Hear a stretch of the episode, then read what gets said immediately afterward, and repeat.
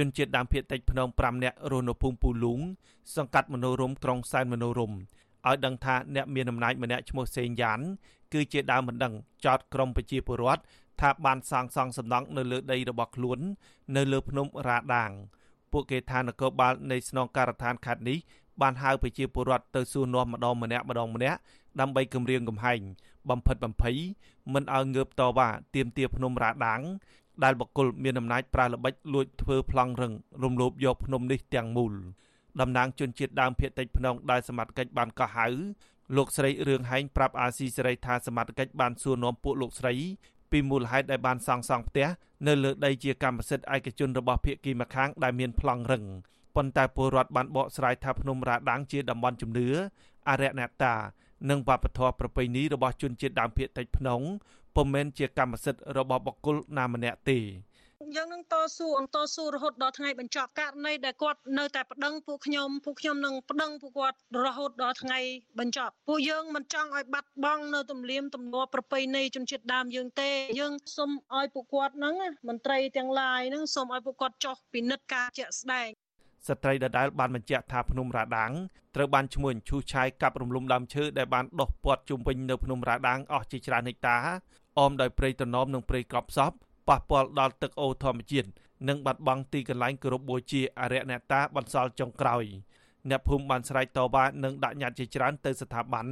ដើម្បីទាមទាររកដំណោះស្រាយតែគ្មានលទ្ធផល។ កន្លែងដែលកំពុងតែតវ៉ាมันអាចធ្វើប្លង់បានហេតុអីអានេះព្រៃភ្នំកន្លែងអរិយអ្នកតារបស់ជនជាតិខ្ញុំហេតុអីនៅមានអ្នកធ្វើប្លង់បានហើយពួកខ្ញុំកំពុងតែតវ៉ាក៏ក្រឹកមេក៏ក្រឹកដីហេតុអ្វីពួកគាត់ធ្វើក្រាស់ប្រទេសសិទ្ធឲ្យគ្នាទៅវិញទៅមកបានពួកខ្ញុំកំពុងតែដាក់ពាក្យទប់ស្កាត់ទៅដល់មន្ទីរដែនដីអីទៀតស្រាប់តែចេញប្លង់រឹងបានខ្ញុំអត់យល់ហ្មងស្នងការខេត្តមណ្ឌលគិរីលោកឡៅសខា បដិសេធមិនផ្ដល់បទសម្ភាសជាមួយអាស៊ីសេរីព្រោះលោកថាកំពុងជាប់រវល់ចំណែកស្នងការរងលោកសូសវណ្ណវិញ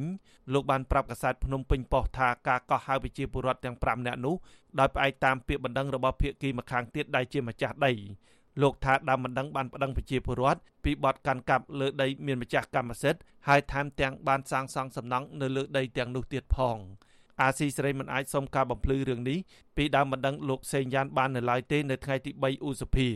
តែទោះជាយ៉ាងណាទីប្រឹក្សាបណ្ដាញសមាគមជនជាតិដើមភាគតិចខេត្តមណ្ឌលគិរីលោកក្រាំងតឡាចាត់ទុកករណីនេះជារឿងអយុត្តិធម៌លោកថាដើមចមនាំឲ្យកើតមានចំនួនដីធ្លីនេះបណ្ដាលមកពីអំពើពុករលួយ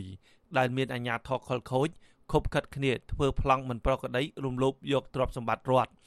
លោកសង្កត់ធ្ងន់ថាអាជ្ញាធរមូលដ្ឋាន បានសំគំនិត ប្រព្រឹត្តអំពើពុករលួយនៅក្នុងរឿងនេះ ហើយសម្ដេចរាល់ថ្ងៃគាត់គាត់និយាយដូចដូចគាត់ថាហ្នឹងគាត់ថាផោមគាត់លឺដែរប៉ុន្តែដល់ពេលបញ្ហាយ៉ាងចឹងគាត់ធ្វើមិនដឹងមិនលឺអញ្ចឹងចំណុចហ្នឹងហើយដែលយើងគាត់ថាសម្ដេចគាត់អត់មានគោលការណ៍ច្បាស់ក្នុងការគ្រប់គ្រងរដ្ឋបាលរបស់គាត់ថ្នាក់ក្រមជាតិនឹងបាទខ្ញុំគាត់ស្នំពោឲ្យរាជរដ្ឋាភិបាលក៏ដូចជាថ្នាក់ក្រមជាតិនឹងឯកឧត្តមបាលខេត្តហ្នឹងគូតែពង្រឹងលើរដ្ឋបាលរបស់ខ្លួនហ្នឹងកុំឲ្យបំផិតបំភ័យដល់ប្រជាពលរដ្ឋដែលការពារសមត្ថរដ្ឋហើយគូតែលើកទឹកចិត្ត ជុំវិញរឿងនេះមន្ត្រីពង្រឹងសិទ្ធិអំណាចសហគមន៍នៃសមាគមសិទ្ធិមនុស្សអាត់ហុកលោកប៉ែនបណ្ណាពន្យល់ថាដីតំបន់ភ្នំមិនអាចទិញលក់ដោះដូរបាននោះទេព្រោះជាទ្រព្យសម្បត្តិសាធារណៈរបស់រដ្ឋលោកថាការទិញដោះដូរដីភ្នំនិងធ្វើប្លង់រឹងមិនប្រក្រតីគឺជាទង្វើល្មើសច្បាប់ដែលទាមទារឲ្យអាជ្ញាធរស៊ើបអង្កេតឲ្យបានច្បាស់លាស់ចំពោះករណីនេះដើម្បីផ្ដល់យុត្តិធម៌ជូនពលរដ្ឋ អ្នកណាថានឹងភូមិរបស់ខ្លួន មានលិខិតមានអីប្លង់រឹងប្លង់អីតែប្លង់វាមិនស្របច្បាប់ប្លង់ប្លង់ខុបខិតទុច្ចរិតដូចយើងនិយាយទៅសម្ដេចតេជោលោកបានលើកឡើងអញ្ចឹងណាអញ្ចឹងបានយើងឲ្យនិយមន័យថាវាគឺជាប្លង់មួយដែលកើតចេញពីការលក់ទិញអញ្ចឹងវាខុសច្បាប់អត់ទៅហើយភ្នំគឺជាទ្រព្យសម្បត្តិសាធារណៈរបស់រដ្ឋក្នុងភ្នំរ៉ាដាងមានទំហំជាង6ហិកតា ជាបណ្ដុំប្រពៃណីវប្បធម៌ដែលក្រមពលរដ្ឋគោរពបូជាតាំងពីបុរាណកាលមក កន្លងមកជនជាតិដើមភាគតិចភ្នងរាប់សិបនាក់បានលើកគ្នាទៅតវ៉ានៅលើភ្នំនេះដោយទទូចអង្វរឲ្យលោកនាយករដ្ឋមន្ត្រីហ៊ុនសែនចេញបញ្ជាអនុវត្តច្បាប់លើជនខលខូចដែលបានលក់និងឈូសឆាយដីលើភ្នំរ៉ាដាងជាប្រភពទឹកអូរដែលសហគមន៍ប្រើប្រាស់ប្រចាំថ្ងៃប៉ុន្តែការតវ៉ាទាំងអមាលម៉ានមិនមានប្រសិទ្ធភាពឡើយអ្នកភូមិឋាននៅតំបន់ភ្នំរ៉ាដាងមានទឹកអូរច្បារ ជាប្រភពទឹកហូរឆ្ពោះទៅស្រុកកោះញែកបញ្ចេះរីងស្ងួតហើយពលរដ្ឋរាប់ពាន់គ្រួសារនឹងបាត់បង់ទីកន្លែងអាស្រ័យផលប៉ះសិនបើរដ្ឋមិនជួយសង្គ្រោះភ្នំនេះទេ